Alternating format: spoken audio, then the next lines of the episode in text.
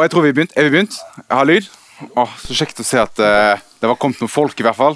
Jeg var jo redd for at, uh, at poesi eh, 2016 det var bare for oss her som satt på scenen.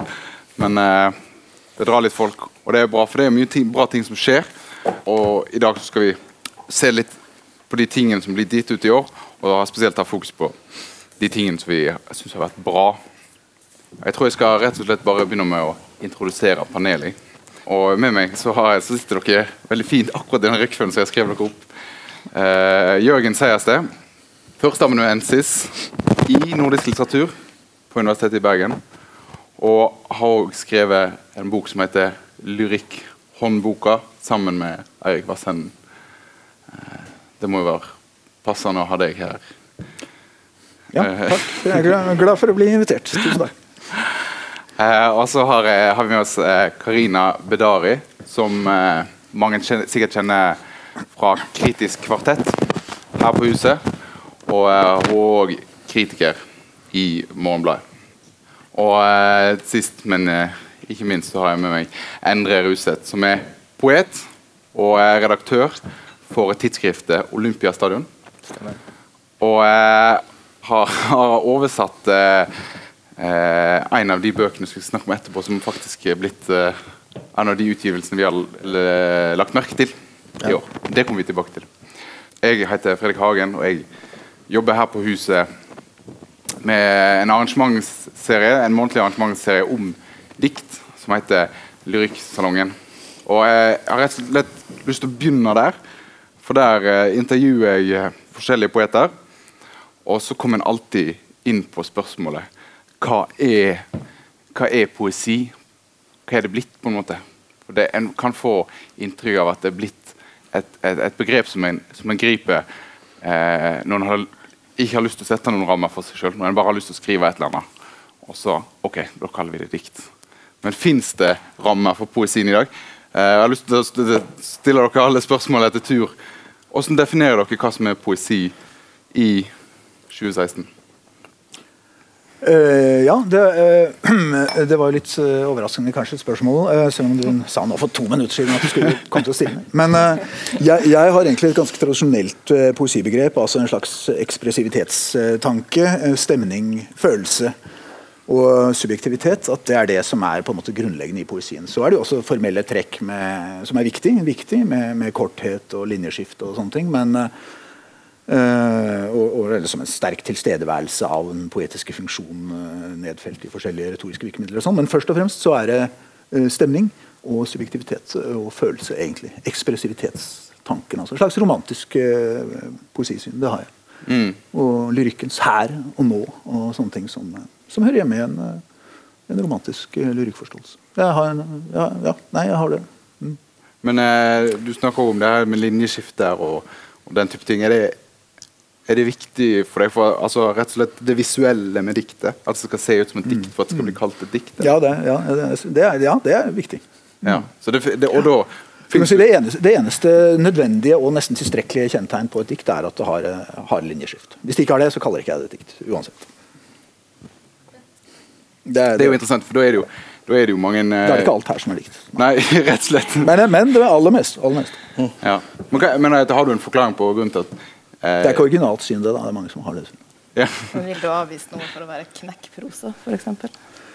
Eh, Det er, det er jo eksempler på knekkprosa som har altså harde linjeskift, men, men som mangler andre viktige kjennetegn på lyrikk. Vil du da si men det er klart det fins Nei, ja, ikke sant? Da vil jeg si da er det jo en slags i grenselandet. da. Det er klart at eh, Selv om det er eh, forskjell eh, Selv om jeg mener det er vesensforskjell på sjangerne, jeg er en sånn essensialist som mener det er vesensforskjell på sjangerne, så, så vet jeg jo at det fins eksempler som ligger i gråsonene, som blander eh, sjangere.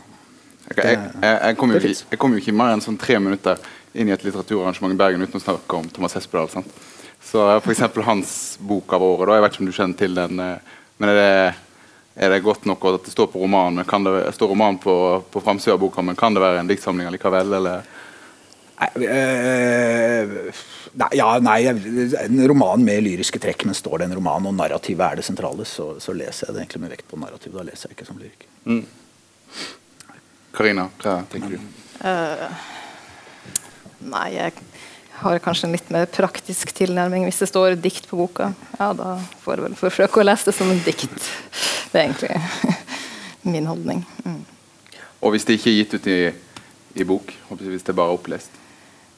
Uh, ja, si det. Da, det jo, ja, da blir det jo noe av de samme trekkene som han lyrikkhåndboken trekker frem, selvfølgelig. Mm. Det vil jeg jo si. Endre? Ja, nei, jeg har jo drar rundt omkring i Norge og har, og har diktkurs for, eh, for, for, barn eller for ungdomsskoleelever videregående. og Derfor bruker jeg ferdig rundt på alle mulige slags linjer, fra kunstlinje til MEC-linja til rørleggerlinja. Og jeg husker jeg kom, og Da bruker jeg alltid å spørre dem hva er leser i dikt. og Det er ingen som, uh, som svarer. Og En gang så var det til meg, det var ingen som rakk opp hånda, men det var en på bakerste rad som fortvila sa jeg vet ikke hva poesi er engang. uh, men det jeg bruker å si til dem, da, i hvert fall, er jo det at det, her er jo, det vi har med oss i dag, er jo diktsamlinger. Altså, diktsamlinger er jo i Norge en, nesten et sånt, sånn lukka øh, system. Eller Ikke et lukka system, men altså, man gir ut en diktsamling som man kjøpt inn til biblioteket Mens, øh, mens, poesi er jo selvfølgelig mye mer enn det. Det er jo ikke bare den 50 øh, sider lange diktsamlinga, som jeg for så vidt elsker og, og setter veldig pris på. Men det er jo også sangtekster, selvfølgelig. det er det er muntlig, muntlig poesi. Og, og, det ser du kanskje nå i 2016. De siste ti åra har den muntlige poesien fått en, en, litt sterkere posisjon enn den hadde for 10-15 år siden. Ettersom det, har, det, er mye flere arrangement, det er litteraturhus, det er festivaler. Så, så jeg mener på at poesien anno 2016 har forandra seg litt. Den, den, er kanskje mer ute blant folk enn den, enn var for 10-15 år siden. Ja. Det, det er ofte ting som er basert, eller som fins i bokform, som ja. fremføres. da, stort sett. Men du ser jo ofte det er en slags hat, eller en slags eh, linje mellom uh, musikere som skal gi ut sine tekster som mm. poesidiktform, blir nesten alltid konsekvent slakta. Så det er åpenbart at her er det, det er et skille eh, på tekstnivå og det som ja, ikke, ja, det er det jeg har å si om den saken, egentlig. Ja. Nei, men det, Jeg syns det er interessant, for det dukker nesten alltid opp. Da, og det, eh, det er en jeg, jeg, jeg, jeg, har kalt det en krise tidligere, men det er, altså, det er en krise som bare gir muligheter. Altså, det, så det er egentlig ikke en, en krise, da. Men vi tenker på dikt litt sånn, etter hvor det står i bokhandelen. Helt til vi begynner å ta tak i det, føler jeg. da Og så plutselig så er det ok, men det er jo, det er jo diktere på Instagram, f.eks. Mm. Og det er diktere på uh, som bare leser opp på det.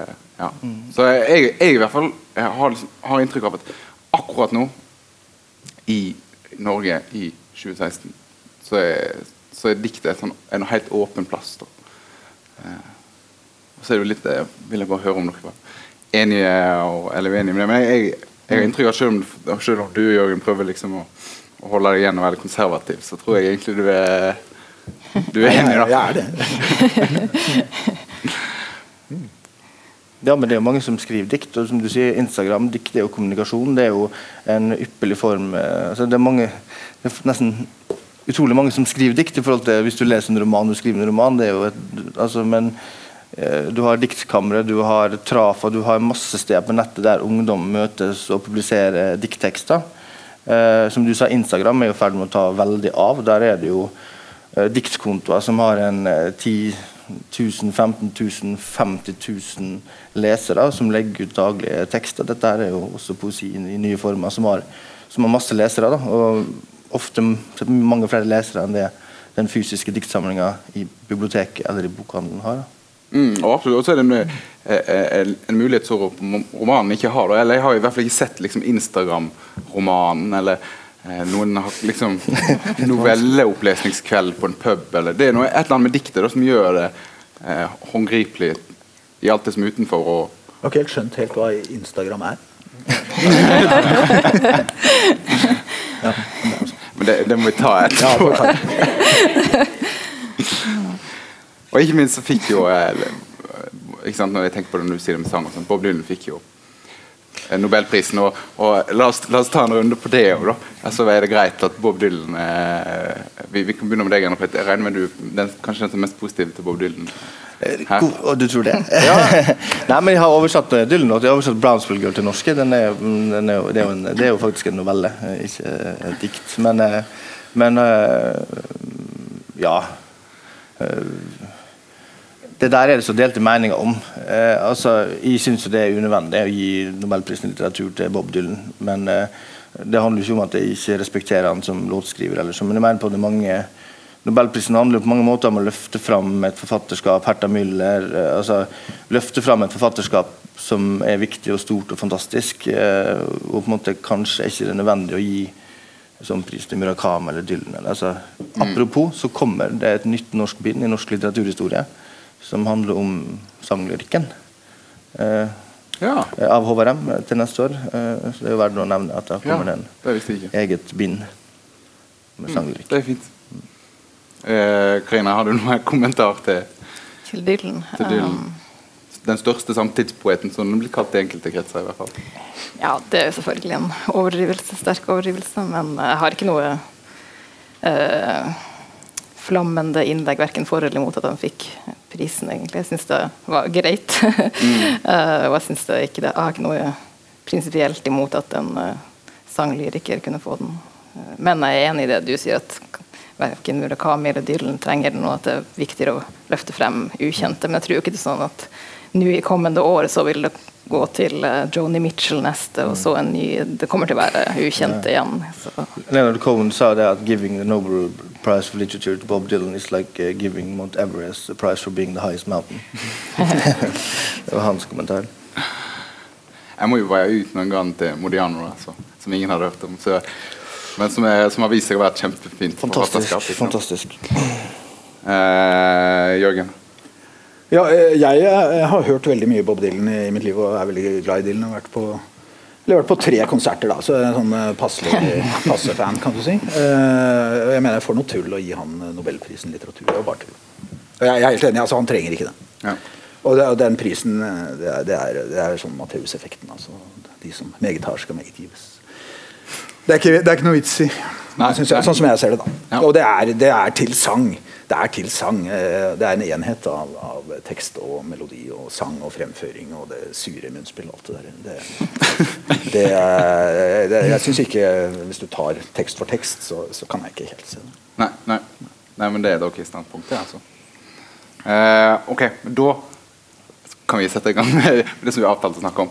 Eh, og jeg har rett og slett eh, bedt dere om å, å ta med tre diktsamlinger hver.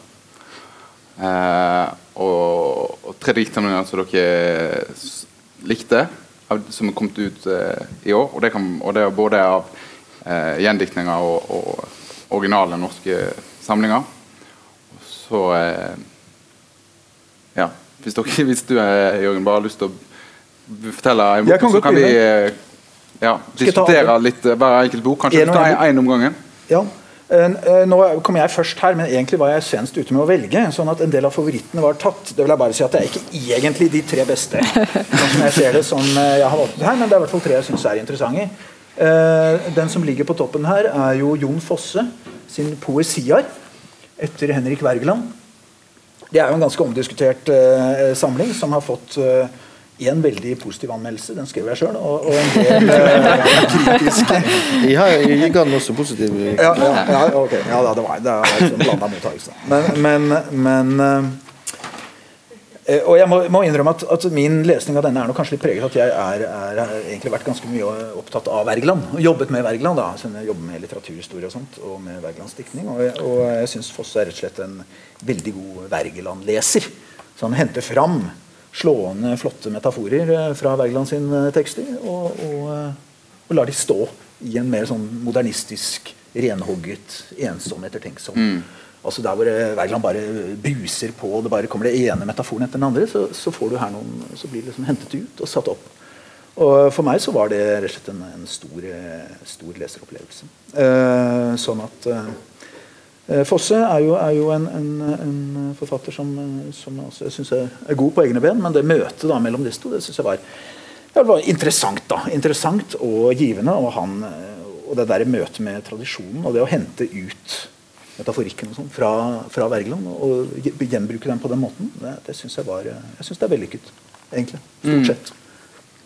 Stort sett. Så, eh, så et, et veldig kort eksempel. Den der, eh, det var som om eh, altså det, er, bare eksempel på en sånn, bare en sånn simile da, eller metafor som, som bare henter ut av verden, som egentlig bare er bla, bla, en raus av et sånn vennskapsdikt hos Wergeland som han henter ut. Jeg bare tar et veldig kort eksempel. Det var som om en blind fikk syn og så ei stjernes milde lyn, og atter blind i all sin tid ser det samme inni seg. Eh, det er veldig tett på Wergeland, men ikke helt. Altså, den, den, eh, mm. Tatt bort det der eh, evinnerlig og sånn som, som Wergeland har, men, men det bare det der glimtet av liksom, innsikt, den blinde som ser en stjernes milde lyn, ganske flott, og så er han blind igjen, og så blir det gjentatt og gjentatt eh, denne, hos denne blinde resten av livet. som, som et på poetisk Hvor han henter fra Eh, Wergeland, eh, Wergeland så forsvinner det på en måte bare i en haug av nye metaforer som alle er på et høyt nivå. Men, men her står det og skinner. på en måte, og Sånt er det mye her. da. Og noen dikt av Wergeland som var eh, vanskelige dikt om, om Karl Johans død, blant annet, som jeg hadde jobbet mye med. hvor Han som henter ut akkurat toppunktene og lar de stå og skinne. Så, så, men, så men god Wergeland-lesen. Men, blir, men det, det, høres ut som det blir liksom Wergeland for, ja, for dummies, eller? Ja, det er kanskje litt, For meg er det litt vanskelig å lese den og se hvordan den funker ja. uten Wergeland. egentlig. Mm. Eh, du, ja. ja. nei, altså, jeg, jeg, jeg, har jo ikke så, på langt nær så sterkt forhold til Wergeland som det du har. Men, eh, men, en ting som vi tenker med Fosse og med poesier også, er at han, det er en veldig sånn risikabel stil. Det, det, det er nesten zen-buddhistisk. Altså, det er veldig veldig enkelt, det er veldig veldig nedskåret. Det, det, er nesten umulig å imitere det. Altså, enten, han er, har på en måte gjort krav på gjentagelsen den, og det, det enkle, enkle, enkle nedskura diktet med masse gjentagelser, det er jo Fosse sin, sin måte å skrive på. og det, det Noen ganger så blir det litt 'god dag, mann, økseskaft', for å si sin side. Men, uh, ja, men spørsmålet er om det er en bok som, som som, som funker for andre enn en dem som kan Wergeland og i mente. Mm. ja, jeg tror ikke det gjør det, men jeg tror det kan være en bok som inviterer folk til å ta opp Wergeland hvis de ikke har lest han. Det, det tenker jeg det kan være. Men for meg var det aller mest uh, ufrivillig komisk da jeg leste den. Det for mye, ble for mye engler og metafysikk og ja. Uh, men jeg har også et uh, ja, ikke sterkt forhold til Wergeland. Jeg har lest om.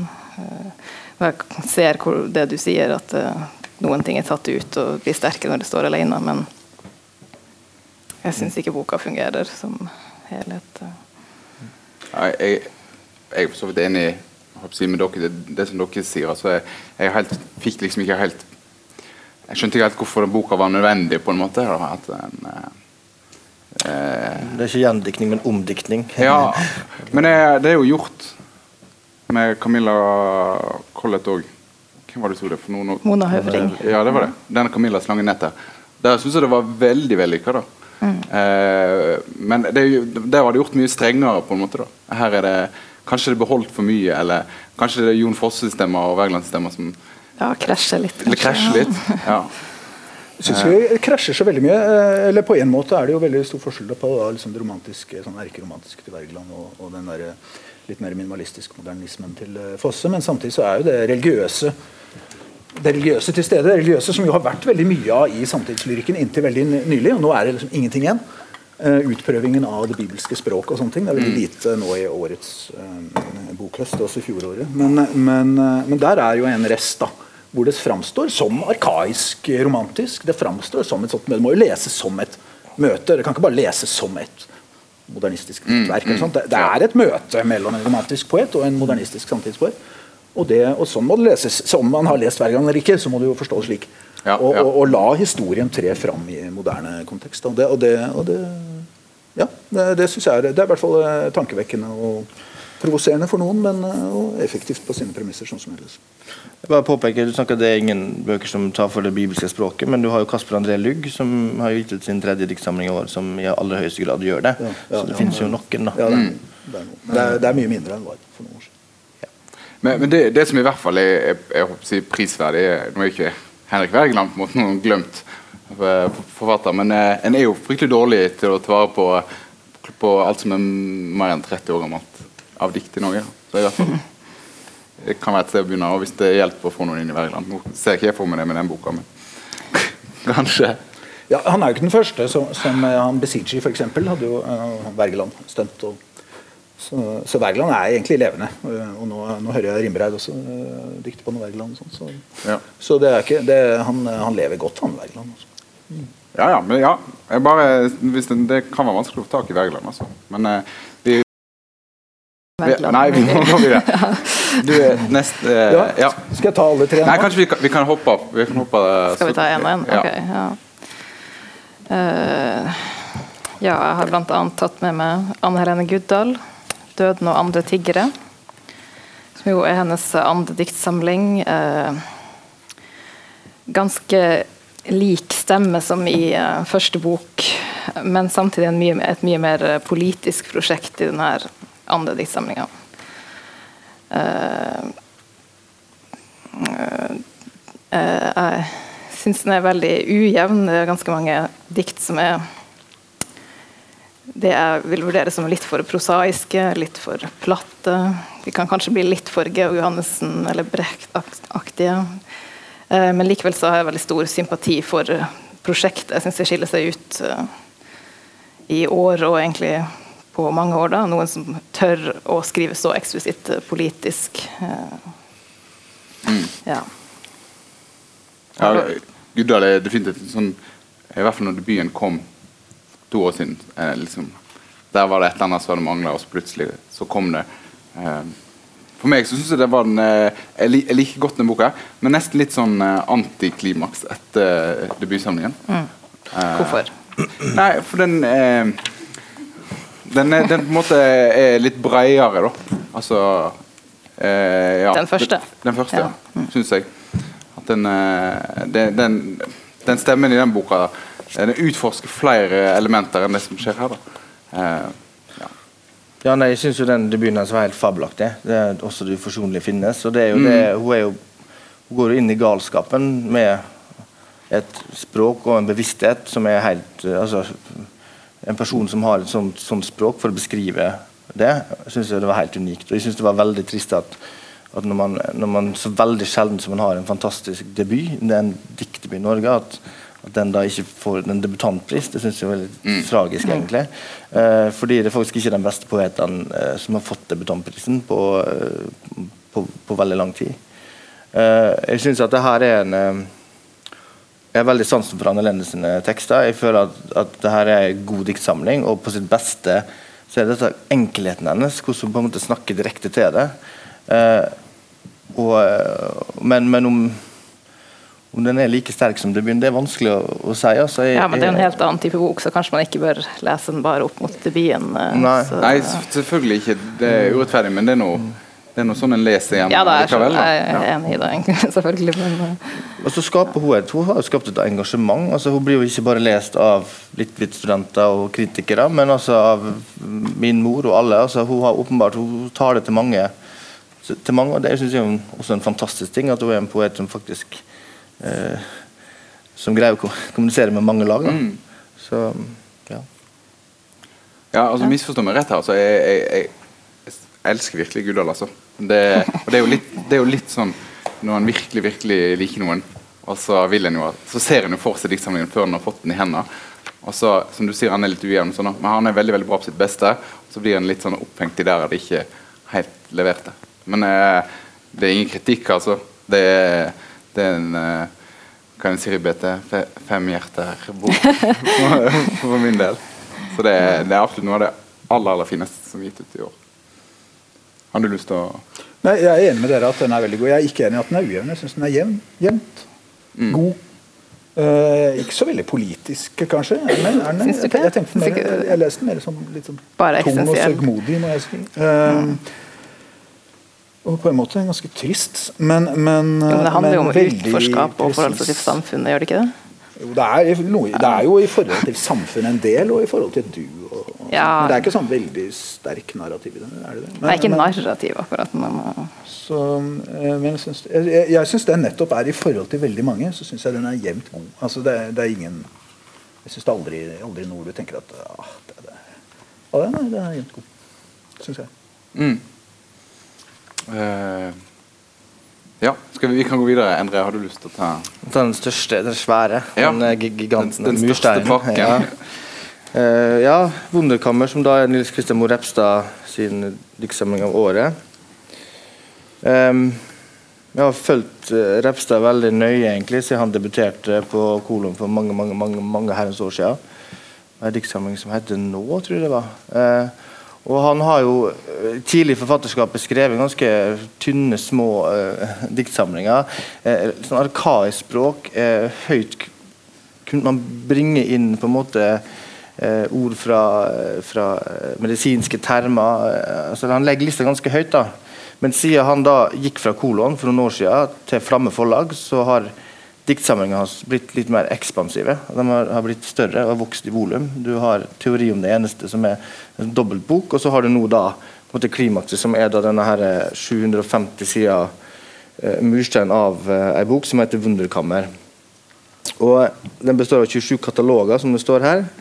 Eh, jeg leste som Repstad sine dikt som ekstremt komprimerte fragment som drar inn noen vanvittige altså han kan hoppe, Et dikt kan hoppe 1000 år frem og tilbake i tid. Den kan gå fra litterært, et litterært verk til en eh, medisinsk term. Det, det, den er nesten litt irriterende å lese, for den, den er så konsentrert. Eh, og, og den virker jo veldig hva skal jeg si da, Den virker veldig eh, brutal i sin lengde og i sin storhet, men det er bare tre alle fragmenter er på tre linjer. Det er De sterkeste eh, tekstene her føler jeg jo kanskje der han, der han går inn i, i det kroppslige altså og lager på en måte sånn veldig sånn intern jeg kan, Vi kan lese et eksempel for å eh, for å, for å prøve å si noe fornuftig. Den, det går sånn, det er fragment nummer 83 fra en lengre katalog som heter da 'Men kroppen er alle bokstavene i den bakterielle katalogen'. Litteraturen skraper ut ett av øyeeplene og finner et annet syn, som tillater inntrengning i Det gamle testamentet. At Odyssevs reiser kan eksistere i ospebladets forgreinede skjelett. Og Der ser man jo litt hvordan i et lite fragment bare hopper fra Det gamle testamentet, Odyssevs uh, på havet og et ospeblad som du måtte ser i et mikroskop, f.eks. Og Det syns jeg er så fascinerende med, med Repstad. at Han har den der, Han tør å på en måte utfordre oss som lesere. For dette her er dikt som er litt, du, må, nesten finne opp en ny lesemåte for det. Du kan sitte og, og irritere eller grunne ut over hva er det egentlig som blir sagt her. Men litt etter litt så, så er det som man på en måte greier å Det blikket som, som Repstad har i, i dikta, det, det trer sakte, men sikkert fram. da. Er det veldig ufornuftig sagt, eller var det Nei, Jeg lurer på en ting, for jeg har ikke lest så, så mye i den, bare litt her og der. Eh, Er det en indre sammenheng mellom de ulike Altså I de katalogene, er det sammenheng mellom diktene der, eller er det, Det er vanskelig vanskelig å se? Wunderkammer er altså er jo et rom der det finnes en masse kuriosa, en masse ting, og man kan trekke ut ei skuffe her, og man kan øh, se på noe som står på et bord der. Jeg føler mer at det er en slags uh, Jeg, jeg ser ikke den der indre, store sammenhengen, men, men, men det, så for meg er det en bok du kan hoppe fram og tilbake også. Det er ikke, det er ikke noe må leses fra til å. Det er i hvert fall sånn jeg leste. Det er jo lange partier i, i enkelte av, disse suitene eller, eller katalogene som har en sterk indre sammenheng. Det er det, det, er det. Men, men, men sånn fra katalog til katalog, og, og liksom det å overskue dette som et system, det har ikke jeg klart, i hvert fall. Eh, som en overordnet eh, orden. Men det er klart innad i Det er jo en, en, eh, en suite der med Ezra Pound for eksempel, som jeg kom på nå, og som er, noen er mer kroppslig, og noen er mer i filosofisk retning, og noen er det er gjentagelser. Det, er, det er jo indre sammenheng innad i suitene, det, det er det i høyeste grad. Men, men den overordna sammenhengen, den har ikke jeg Den overskuer ikke jeg, da. Jeg syns det er veldig, veldig vanskelig å konkludere på denne boken, eh, og, og tidlig på en måte å, å gjøre det. Det, det er jo et veldig fascinerende univers. Og det er så eh, veldig ekspansivt. Jeg er enig i og for seg at det er, det er jo en intensitet i det kroppslige. Det, det har jo å gjøre med hele denne, det har jo med denne her eh, virkelighetsrelasjonen som er så mye diskutert nå. Den, den slutter jo med en takk til legen. Så det er jo noe du vet Med en gang du på en måte vet det, biografiske elementet der, så er jo det umulig å komme utenom liksom, at du har liksom, en, en, slags fysisk begrensning som er utgangspunktet for en sånn ekstrem ekspansjon Men, mot filosofi, mot språk, mot vitenskap, mot litteraturen og masse forskjellige eh, allusjoner. Sånn ekstrem ekspansjon. Og så sitter du og leser, og så, så er det akkurat som du sier, hvordan skal du lese? Og du leser langsomt. og så og Da er det jo tungt, og så, og så gir det noe, og så, og gir det ikke, så blir du sittende og så tenker du oi, oi, oi, nå skal vi jo snakke om denne, og det er jo 700 sider. Og Så begynner du å skumme, og det funker egentlig også ganske bra. Du skummer, da, da, får du jo der, liksom, da får du bare en, en raus av ideer og, og, på en måte lesefrukter. da, ikke sant? At det er det der, Som er en gammel tradisjon. Da, at man har lest det og man har lest det, og så, og så, så skriver man litt om det. Mm. Eh, som er en sånn essaytradisjon, egentlig. Da. Men syns dere han er en bedre og mer interessant poet nå eh, med den her og den forrige teori om det eneste, hvor først han begynte å skrive litt mer eh, biografisk enn han var på kolon med de mye mer eh, klassiske, stringente diktsamlingene? eller? Det, det, er i hvert fall et, et nærvær som blir synes jeg, helt Når du, når du først har det, og du, og du får disse allusjonene til det, da, mm. alt etter hvor mye man er satt inn i det, så, så er jo det noe som jeg, jeg synes i hvert fall virker inn på lesningen, og det er helt greit. Ja, men For noen så handler det jo kanskje om at man skifter, han har på en måte skifta litt At han har fått en slags utløsning. da, At Jeg syns han er en bedre poet nå enn han mm. var da. Helt klart. Det, det, er, som du sier, et nærvær der. Du snakker om språklig avmakt mot en sånn megal megalomani på det å ta inn referanser. Og, altså, han knytter det opp mot kroppen også.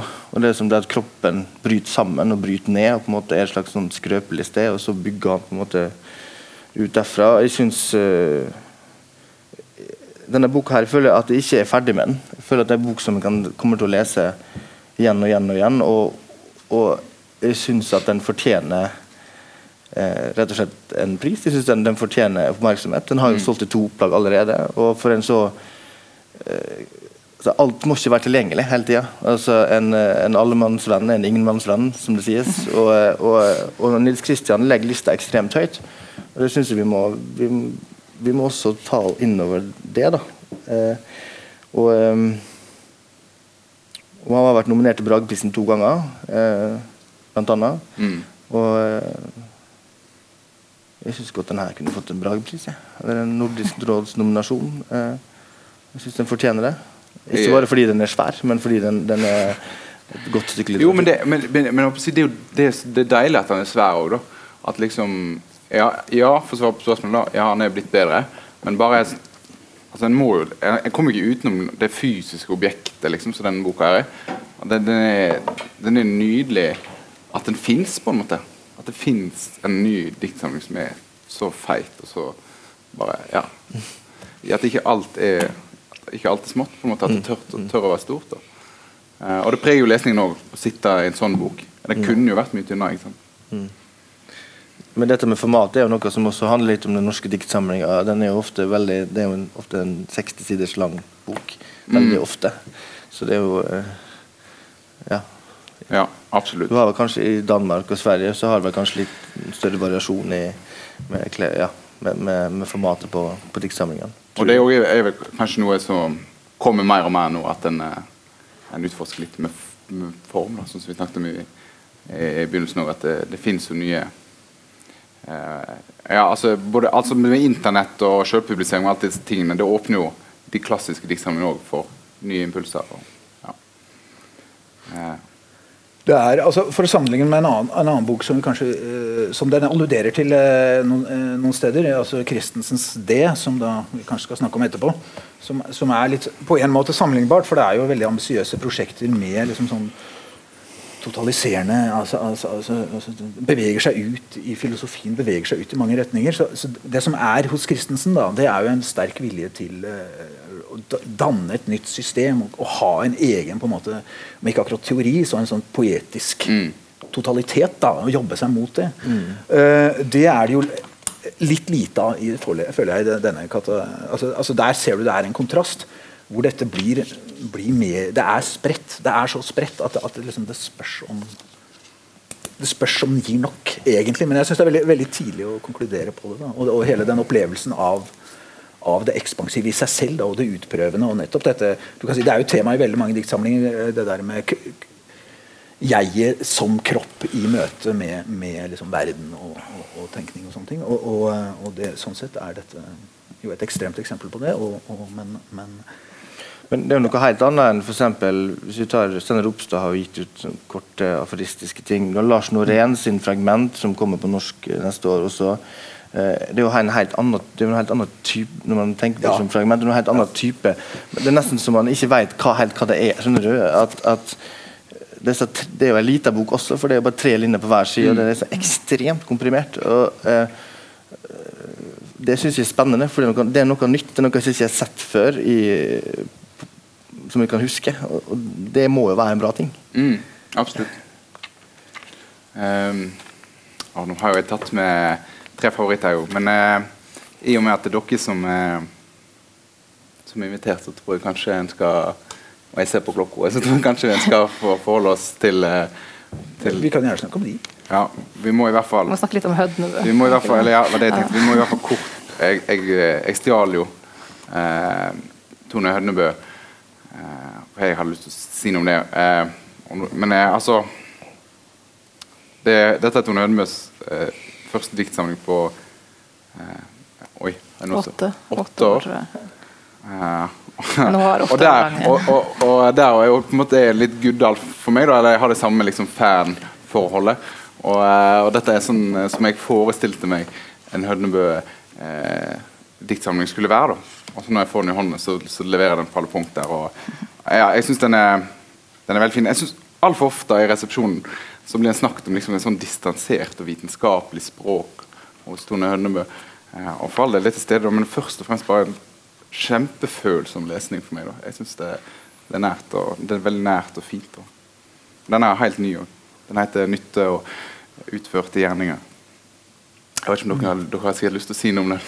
Ja, altså Jeg kan godt si at, at, at uh, det er en veldig fin bok, syns jeg.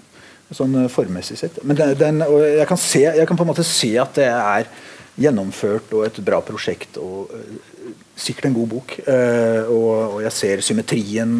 og Jeg ser, altså jeg synes jo det, det der poetiske møtet med det vitenskapelige er veldig sentralt her. Da, og Dette med mønster og symmetri, og hvor er liksom subjektiviteten i, i symmetri. og at det er det, det der vitenskapstematikken, poetisk vitenskap. på en måte.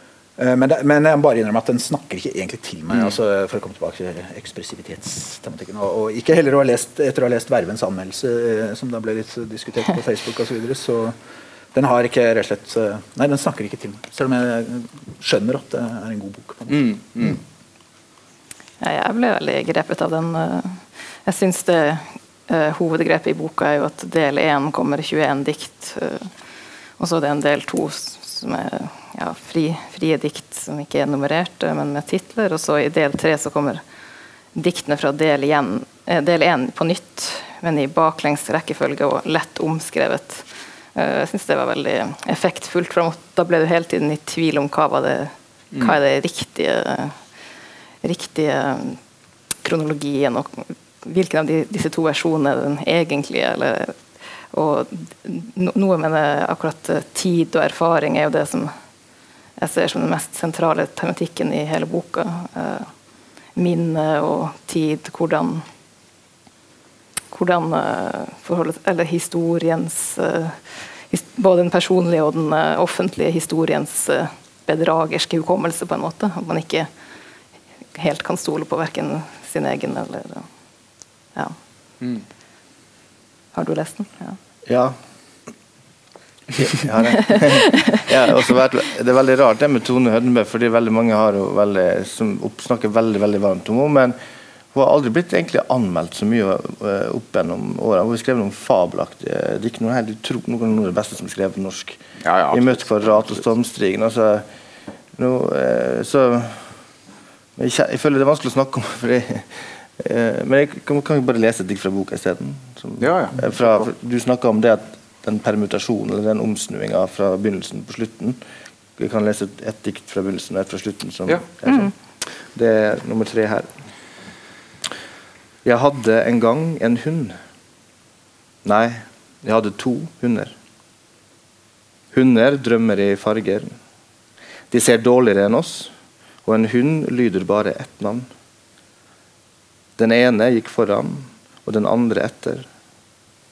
Hver gang vi gikk ut av huset, visste jeg aldri om det var jeg som lystret hunden, eller hunden som lystret meg.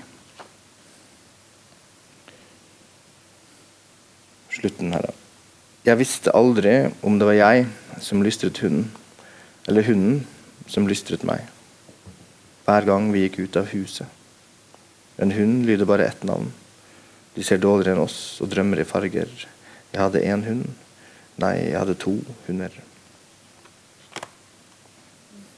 Man trenger ikke forstå det. Det er, bare Nei, veldig, det er veldig flott. Det, ja, ja. Nei, altså, det, er mange, det er mange innganger i dikt, altså. Men jeg har nå aldri forstått et dikt jeg har lest, og det jeg liker det godt. for det. Uh, har du lyst til å ta din neste bok? Som du, uh, ja. ja, jeg kan, jeg kan jo Ta nå den som du føler brenner mest, og i og med at vi, vi, vi er allerede, klokka er allerede kvart på. Ja, nå, nå har jeg allerede nevnt Inger Christensens eh, Det da, det er jo en gjendiktning. Vi ble jo bedt om å ta med en gjendiktning også. ja. Og, eh, og Hvem er gjendikter, da? ja, det, det er jo med meddebattant her. Og, eh, og den eh, kom jo ut da i, i 69 og, eh, første gang og er en eh, klassiker. Eh, Jeg er ikke i utgangspunktet noen stor tilhenger av altså jeg mener Det er ikke nødvendig å gjendikte fra dansk og svensk, og, og sånt, men, men det er jo en måte og en anledning å få aktualisert og bring, brakt opp igjen forfatterskap. Og det, var, det er jo en veldig fin anledning til å kikke på, på boken igjen. og og liksom eh, dette forfatterskapet av Christensen som er, som er så viktig og sentralt. og og sånn, eh, apropos når jeg leste Mor Repstads bok og eh, god sånn samlingsgrunnlag, og, få fram disse, disse kanoniske bøkene da, som, som er en viktig eh, del av forfatterskapet. Nei, nei, som viktig del av, av lyrikken og nyere lyrikkhistorie. Og, og Jeg har ikke sammenlignet med den danske originalen, men, men eh, i hvert fall ikke helt fint å lese. og Det er jo også rimede ting her og formmessige ting, og det glir veldig fint, syns jeg. Så det tror jeg, det tror jeg har gjort en bra jobb med det. Eh, det er jo valgt, og det er jo denne her, eh, skrivemaskintypografien da, som, er den, eh, som det er i originalen også, som gir sikkert et litt annet inntrykk nå. en slags, Nå vet jo alle at det er nå er det jo liksom ikke det manuelle vi tenker på. Vi vet at det er data, retro, manipulert uh, uttrykk. Så, men, men likevel så, så er- vekker det til live den opprinnelige samlingen.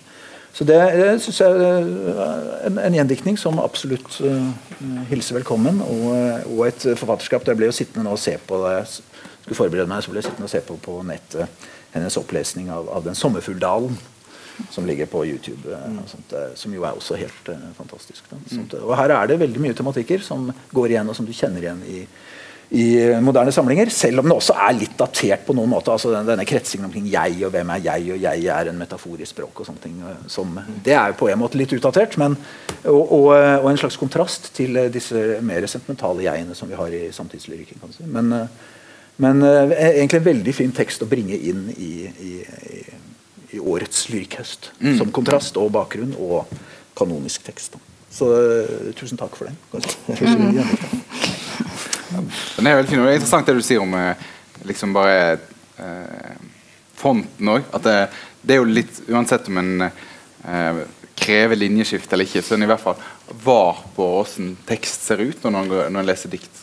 På en annen måte enn når en leser romaner. Eh, det, det er ingen som Eller i de romaner så hadde en ikke snakket om engang hvis en hadde skifta font med en oversettelse. på en måte Men her hadde det kanskje kommet opp selv om du hadde hvis du hadde valgt å skifte, så hadde du kanskje snakket om det. da Ja, det er jo det at hun har tatt et ord som ingen, et usynlig ord, som er ordet 'det', og så har hun gjort det til det mest sentrale ord i verden. Altså, det er et ord som vi aldri tenker på, egentlig. Og så begynner det med det, og så ut av ordet 'det' så stiger det fram en hel verden, et helt samfunn, en politikk. Altså, det syns vi er veldig en utrolig kul idé. Å bare ta noe som er helt usynlig, og gjøre det til verdens navle, på en måte. Ja. Ja, jeg er helt enig i alt som har blitt sagt. og Viktig at den eh, blir tilgjengeliggjort eh, på nytt, fordi at det er såpass mange. Kanskje alle som skriver nesten poesi i dag, forholder seg jo til den eh, enten veldig eksplisitt eller mer eh, ja, Sånn som f.eks. Yngve Pedersen ga ut en samling for et par år siden som heter 'Det fremkalte det'.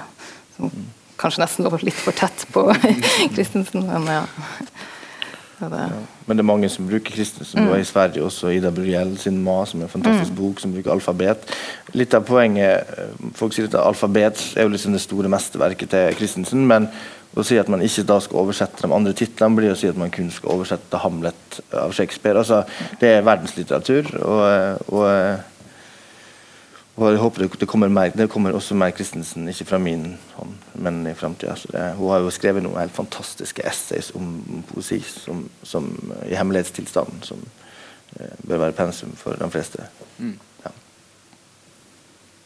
Karine? Ja, rekker vi bare å ta én nå, eller? Eh, ja, jeg tror kanskje, tror kanskje det.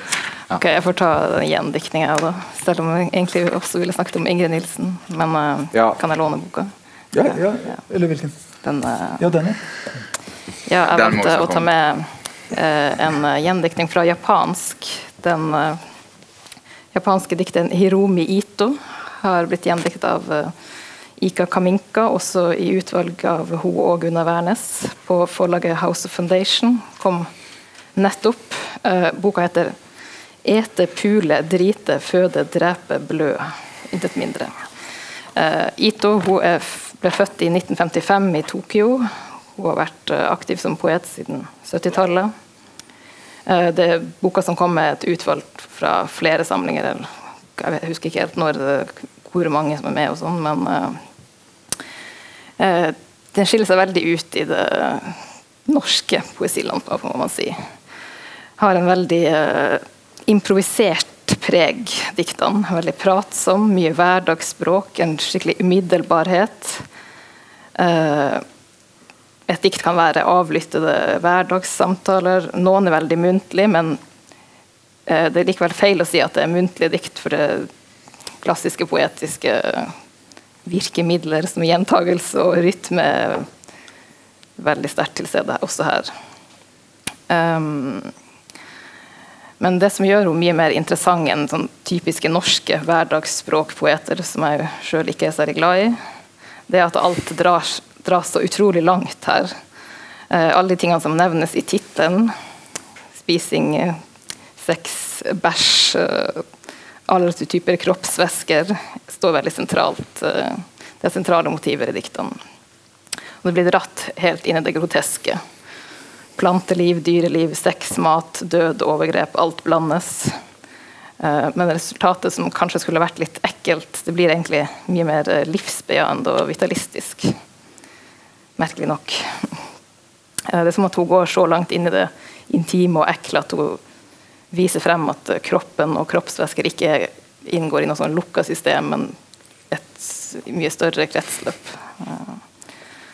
Og så er det jo nok en ganske vanskelig bok må ha vært en ganske vanskelig bok å oversette, fordi det japanske språket har eh, en masse forskjellige markører for kjønn og alder og maktrelasjoner mellom den som snakker og den som blir snakket om, f.eks.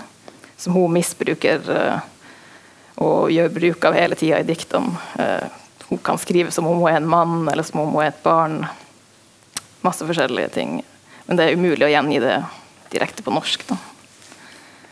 Uh, I tillegg så kan man nevne at hun har vært en viktig feministisk uh, dikter i Japan. Da. Der den blir fortsatt sånn at uh, kvinner og menn sin poesi står på forskjellige hyller i bokhandler. Og, ja. Når hun debuterte, så ble det en stor skandale fordi at hun skrev så vulgært. Men den fikk også veldig mye positiv oppmerksomhet. Ja. Mm. Det, det, altså, tittelen så høres det ut som en litt sånn eh, halvgod fanzine-aktig ja. ting. Eller, eh, men, men, eh, det er mye bedre enn det. ja, det er jo litt den estetikken. Da. Men, det, men jeg er helt enig med det. er bare tatt så langt og gjort ja, Det er bare gjort så bra, da, kanskje. Mm. At uh, ja. Jeg har ikke fått lest den så nøye som jeg burde før det her, altså, men herregud, for et språk som bare griper deg uh, med en gang. Det er jo virkelig nydelig. Og uten at jeg kan japansk eller noe sånt. i hele tatt, Så det er vanskelig å liksom måle opp mot originalen. Da. Men på norsk fungerer det iallfall veldig, veldig godt, syns jeg. da. Jeg vet ikke om noen av dere har fått Jo, jeg, jeg, bare, jeg syns den er kjempegod. Mm. Ja, eh, det var over, altså, årets overraskelse i gjendiktingsbunken. Og hun Ika Kaminka, da, som har gjendiktet det, må jo ha gjort en kjempejobb. da, skulle jeg tro, jeg, uten at jeg kan japansk, selvfølgelig. Men den er veldig Den var sterk. Jeg føler, Av de bøkene vi har liksom med oss i dag, så er det den som jeg har mest lyst til å, å anbefale. På en måte Hødnebø og Guddal. Og det, det, det, hvis du er her, på en måte, så kjenner en til det. Eh, men, men dette er kanskje litt sånn litt mer ukjent, da. Og, eh, og, og så annerledes og så ferskt. Og, ja. Det er jo alltid litt problem når man skal, skal velge ut et par bøker. For det, det er jo ikke et rangeringssystem. Altså, det, er jo, det er jo masse bøker i år som har veldig mange fine kvaliteter. Uten at, så, så det er egentlig litt trist at man bare at man eh, må velge ut noen. For det, det betyr ikke at de andre nødvendigvis er, er dårlige. Da. Eh, Men jeg har, ikke noe, jeg, har, jeg har faktisk ikke lest den, så jeg kan ikke uttale meg. Ah, da anbefaler jeg til deg òg. Har du lyst til å ta en bok til? Endre? Ja, jeg kan godt det. Altså, jeg vet ikke om det er noen som det er noe vi vil tenke litt strategisk. Jeg har tatt eh, bok av tatt Gro Dales bok. Da. Kanskje det er noen andre som har lyst Skal vi ta frem en debutant, eller skal vi ta frem noen som fortjener Vi har to debutanter med oss eh, her, og kanskje vi kan ta uh, Bjørnevåg? Ja, jeg kan godt eh, ta den. Eh, Katrine Blåvinge Bjørnevåg. Um sakne spring blome. Springe blome. Eh, en tekst som jeg syns eh, er kjempefin, egentlig. Eh, her er det jo et ganske sterkt narrativ da, som er bygget på særlig Kvitebjørn kong Valmon-eventyret, og særlig da dette med at hun blir da fratatt disse barna, disse tre barna som hun får, og, og mannen forsvinner, og barna forsvinner. Og så er det det savnet og, og ensomheten da, som er et slags utgangspunkt for, for narrativet i, i boka, som jeg leser som en veldig mørk veldig mørk bok. Og så er det jo selvfølgelig da dette språket da som er Jeg har aldri hørt henne lese, men det de sies at det, det er eh, Da blir, blir det en slags naturlig dialektal form. Mens i, i skrift så blir det jo eh, blir det en sånn fremmedgjort språklig uttrykk. da. Men, eh, men Og det er jo en, en sentimental bok, på en måte, men det er en bok som, bok som da tar opp eh, mors situasjon da, og, og, og skildrer forhold til barnet, komplekst forhold til barnet og dette savnet og dysterheten på en måte som jeg syns er gripende. Altså. Jeg syns den, den var god. Jeg sy- syns det er en, det er en veldig interessant og, og, og, fin bok. da Og Den er jo egentlig, egentlig litt for dyster, på en måte og så slipper han unna for han har dette eh, rare språket da som gjør at den eh, eh, At den tåler det, og at det blir fint. Ikke bare at den tåler, men at det blir fint. Ting som, som eh, ellers ville kanskje blitt for, for mørkt, eller for eh, mm. Eh, ikke, hun slipper ikke unna, for det, er jo det språket som er prosjektet hennes. Eh, og det er jo veldig interessant. Det, det har jo vært en sånn eh, språkbølge som kanskje eh, kan ikke starte det med Rimreid, eller noe sånt, og så, og så er det Nødtvedt som liksom eh, tar det til neste nivå. Og dette er en, jeg føler jeg er i hvert fall en fortsettelse av den utforskelsen av av det muntlige språket som liksom eh, Ja. Det, det ble jo diskutert litt, det ble jo tatt opp her på Kritisk kvartett, og da ble jo trukket fram at det er en lang tradisjon egentlig i nynorsk med Nygaard og sånn, å ha et vanskeliggjort dialektalt språk som på en måte senker lesehastigheten, og som blir et uttrykk i seg sjøl. Så det, det, er, det er jo Rimbrei-tradisjonen, sjølsagt, eh, sånn, men det er også en eldre kan vi si, dialektal og, og nynorsk eh, tradisjon. Eh, og det er, det er veldig, og da, da ble det jo diskutert litt, satt i salen og hørte på da, at, om hva hvis man tok bort språket og bare gjorde, skrev det på vanlig bokmål, ville det da bare vært en sentimental eh, eh, liksom, sånn, sånn banal historie. Men eh, det tror jeg ikke i og for seg. Jeg tror det fremdeles hadde vært en, en sterk og god diktsamling. Men, men det er veldig vanskelig å tenke seg den uten det språket. Tror du virkelig det? Ja, jeg tror jeg. det. Ja, men For en absurd problemstilling. Altså, det, er jo som, det er jo som å ta en film og si hvis du bare tar manus, er det en god film allikevel. Altså, synes det er jo det som er hovedgrepet. da. Ja, men jeg syns at eh, språket fascinerer meg, men historien, nei. Den, Den, jeg går ikke med på den, eller blir ikke grepet av den. Ikke historien i seg selv, men det er jo noe med skildringen av fødselen og skildringen av forhold til disse døde barn. eh, Men det, men, Ja, i partier. det er jo, Ja. men det er jo nesten altså, det, det hun skriver om eh, Det er nesten uviktig, da. Iallfall sånn som jeg Mm. leser den. Det, det er liksom språk, språk, språk. Bare det. Nei, jeg, jeg leser Ja, mer sentimentalt. på en måte. Og Men du er jo den konservative også. Ja, Ja, nei, det er jo en av eh, i hvert fall tre vel, ja, som vi kommer på, tre gode diktebyer i år. Um, som um, Som kanskje bør få en, en Vesaas-nominasjon, i hvert fall. Du har jo, Vi snakker om Maiken Horn Bolseth sin Ja, 'Narr'. Du har, her, ja. eh, Så har du Ingvild Lote sin 'Hvorfor er jeg så sint når jeg er så søt. Nei. Hvorfor er jeg så trist? Som du ikke var så begeistret for, men som jeg syns er, jeg synes er en, en, en, kjempegod debut, og en veldig kul debut. og en, en, en. Kanskje litt for kul? Nei, nei, for jeg syns at, syns at, uh, syns at den, den, synes jeg, den, den, falt jeg veldig for. Men det er tre i hvert fall uh, gode diktbyer som, som er oppe og header med bøker i andre sjangre. Og, og, ja. Jeg synes det, det, viser jo veldig at eh, det gror godt, som en sier. Da. Jeg hadde jo med meg eh, Maikens sin bok også, som heter 'Narr'. Eh, som jeg tenker i hvert fall er liksom den, det er den sterkeste debuten i år. Liksom, og den står oppe med alle de andre diktsamlingene som er gitt ut i år. og den er ja. Du kalte, du kalte Lote for en Holebekk-girl. Du hadde tatt hva det var ja. Eh, men det, det, ja. det tror jeg ikke stemmer. Altså. Eller Du tok fram et sitat, men det, det, det tror jeg ikke er riktig. Jeg, ikke det, Nei, jeg tenkte på den, den utrolige apatien som jeg vel ja, ja. syns finner i den boka. Ja. Bra vi er uenige om noe. Men det er jo det, det Twitter-språket, hvis jeg kan kalle det som er, Eller den nye enkle poesien da, som eh, Flamme forlaget her i Norge virkelig har i hvert fall eh, gjort aktuell igjen. Da, så har det kommet en bølge med masse impulser fra Danmark. Mm. Eh, der Ingvild Lote er liksom i den bølgen. Eh, og det er et litt annet språk eh, som leses på litt andre premisser. og sånn. Men eh, ja, den, den, er litt, den er ujevn, syns jeg. Men eh, ja, den er fin. Den er en veldig sterk debut. Ja. Syns du den er gripende eller morsom? eller hvorfor, Hva syns du? Er?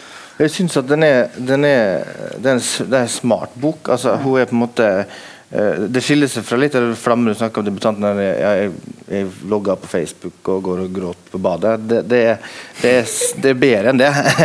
Eh, eh, jeg vet ikke hvordan jeg skal forklare det. Jeg syns, syns den, der, den, frekkheten fungerte. Den var troverdig. Jeg synes ikke Ofte når du leser sånne type dikt som skal være liksom kul og chill, så får man liksom allergi fordi det er trist, det er så jæklig. Men den, den, den er ikke sånn. Den, Nei, det, den flyr. De, de beste diktene er der hvor hun er mm. mest selvhevdende, mens ja. de dårligste er der hvor hun skriver uh, Jeg kan faktisk ett utenat, tror jeg. Uh, hvordan var det igjen? Uh, jeg tror ikke på Gud. Nei, nei det var Da du sa nei, jeg, var Jeg føler meg veldig gammel når jeg leser Nå skal det da jeg sa jeg var et dyr i senga, mente jeg dovendyr. Beklager misforståelsen. Ja, okay, det var litt morsomt. Ja, men, men litt sånn Ja, det var ganske Twitter-aktig. Ja. Men, men, jeg, men altså, dere kan jo høre dikta. Det fins et program på dikta. Jeg skal ikke lese noen av dem, for hun leser dem. Diktafon har jo et program der hun leser noen av dikta. skal man jo høre det der. Men ja, nei, det, jeg syns den er veldig bra. Men jeg, jeg, er enig med deg, tror jeg, Karin. Altså, hun er best når hun er lengst vekke fra liksom, det der tørrvittige Twitter-språket. da. Eh, og ja, punchlines på dikt og sånn, det, det, funker ikke alltid for meg, da. Men eh, ja, resten av diktet kan jo være fint. Ja. Eh, ja, hvor var vi? Vi har eh, vi, vi, må faktisk begynne å runde av, så kanskje skulle bare nett eh, tatt liksom og fortalt to setninger om den siste boka, eller hvis en hadde noe mer med seg. Så kan jeg begynne. Jeg, for jeg hadde Maiken med meg. Og så skulle jeg ta med en gjendiktning, og da hadde jeg egentlig eh, denne Å, skal jeg prøve meg på et eller annet? Farokosad. Eh, Faroksad. Faroksad. Som heter Hvitverk. Eh, som er en, eh, en svensk-iransk eh, poet. Eh, jeg skal ikke si så mye om den. Den er, den er, den er veldig fin. Anbefaler den. Men så tenkte jeg nei, jeg tar ikke den med meg likevel. Jeg tar heller med meg det var juks. Ja. Jeg tar heller med den her. For uh, Christian Heggernes er jo uh, en, en, sånn håper jeg, bortgjemt perle som, som, ikke er så mye lest utenfor Bergen, kanskje. Eller i hvert fall har jeg inntrykk av det. Og Han kom med en diktsamling i år. Uh, og den er, den er, fin, da. Men han kom med en serie med fanziner som heter 'Jenter fra Bergen'. Som er mye finere, faktisk. Eller, altså, dette her syns jeg er utrolig sterkt. da. Og de, eh, de heter Dette er den tiende sesongen. Og den 11. kom i går, tror jeg. Eller vi kom lenger enn det. Og han gir i hvert fall de ut med gjennommeldinger når de koster ti kroner. Eh, og de fins bare sånn her og der. da. Og det synes jeg er et eh, Jeg ville bare tipse om det. Jeg syns de er veldig veldig fine. Ja. Ja, eh, det, det var jo det hadde jo ikke Men jeg, jeg, i og for seg den, den Heggernes sin bok om han gutten som kom på døra altså det, Ja, den er- Alenefar. Den syns jeg og, og, Den fin, den, altså, Naken og var, og, og den har noe helt spesielt, faktisk. Det Ja. synes jeg. Men, Den, men den var ikke vi forberedt på å snakke om. Nei. Nei, men det var fint den kom fram nå, for den er, den er fin. man kan vel si litt oppsummerende at uh, alt vi har snakket om her, og alt vi ikke har snakket om, det viser jo at det er veldig stor variasjon og ganske stort spenn. Det er ikke noe Ja. sannhet i at uh, dikt, norske diktere skriver likt, selv om kanskje mange bøker er 60-70 sider og formatet ofte kan være relativt likt, så er det jo veldig mye forskjellig. Erlend siterte noen, jeg husker ikke hvem det var, han sier at, eh, at poesi det, er- det er litteraturens Formel 1, mens prosa det er rally i Finnskogen. det syns jeg er et fint sitat. Skal vi avslutte for det? Ja, hvorfor ikke? Da sier vi eh, eh, takk for oss, og takk til Jørgen, Karina og Endre. Eh, jeg anbefaler alle å, å stikke innom Boksalongen eh, på vei ut og, og ta med seg en diktsamling. Eh, det er en fin julegave til seg sjøl. Eh, og så er det òg et arrangement eh, nede i Bukselangen nå som en kan gli sømløst herifra til dit hvis en er interessert i en helaften. Men da sier jeg takk for oss, jeg. Og takk for poesiåret. Ja, takk.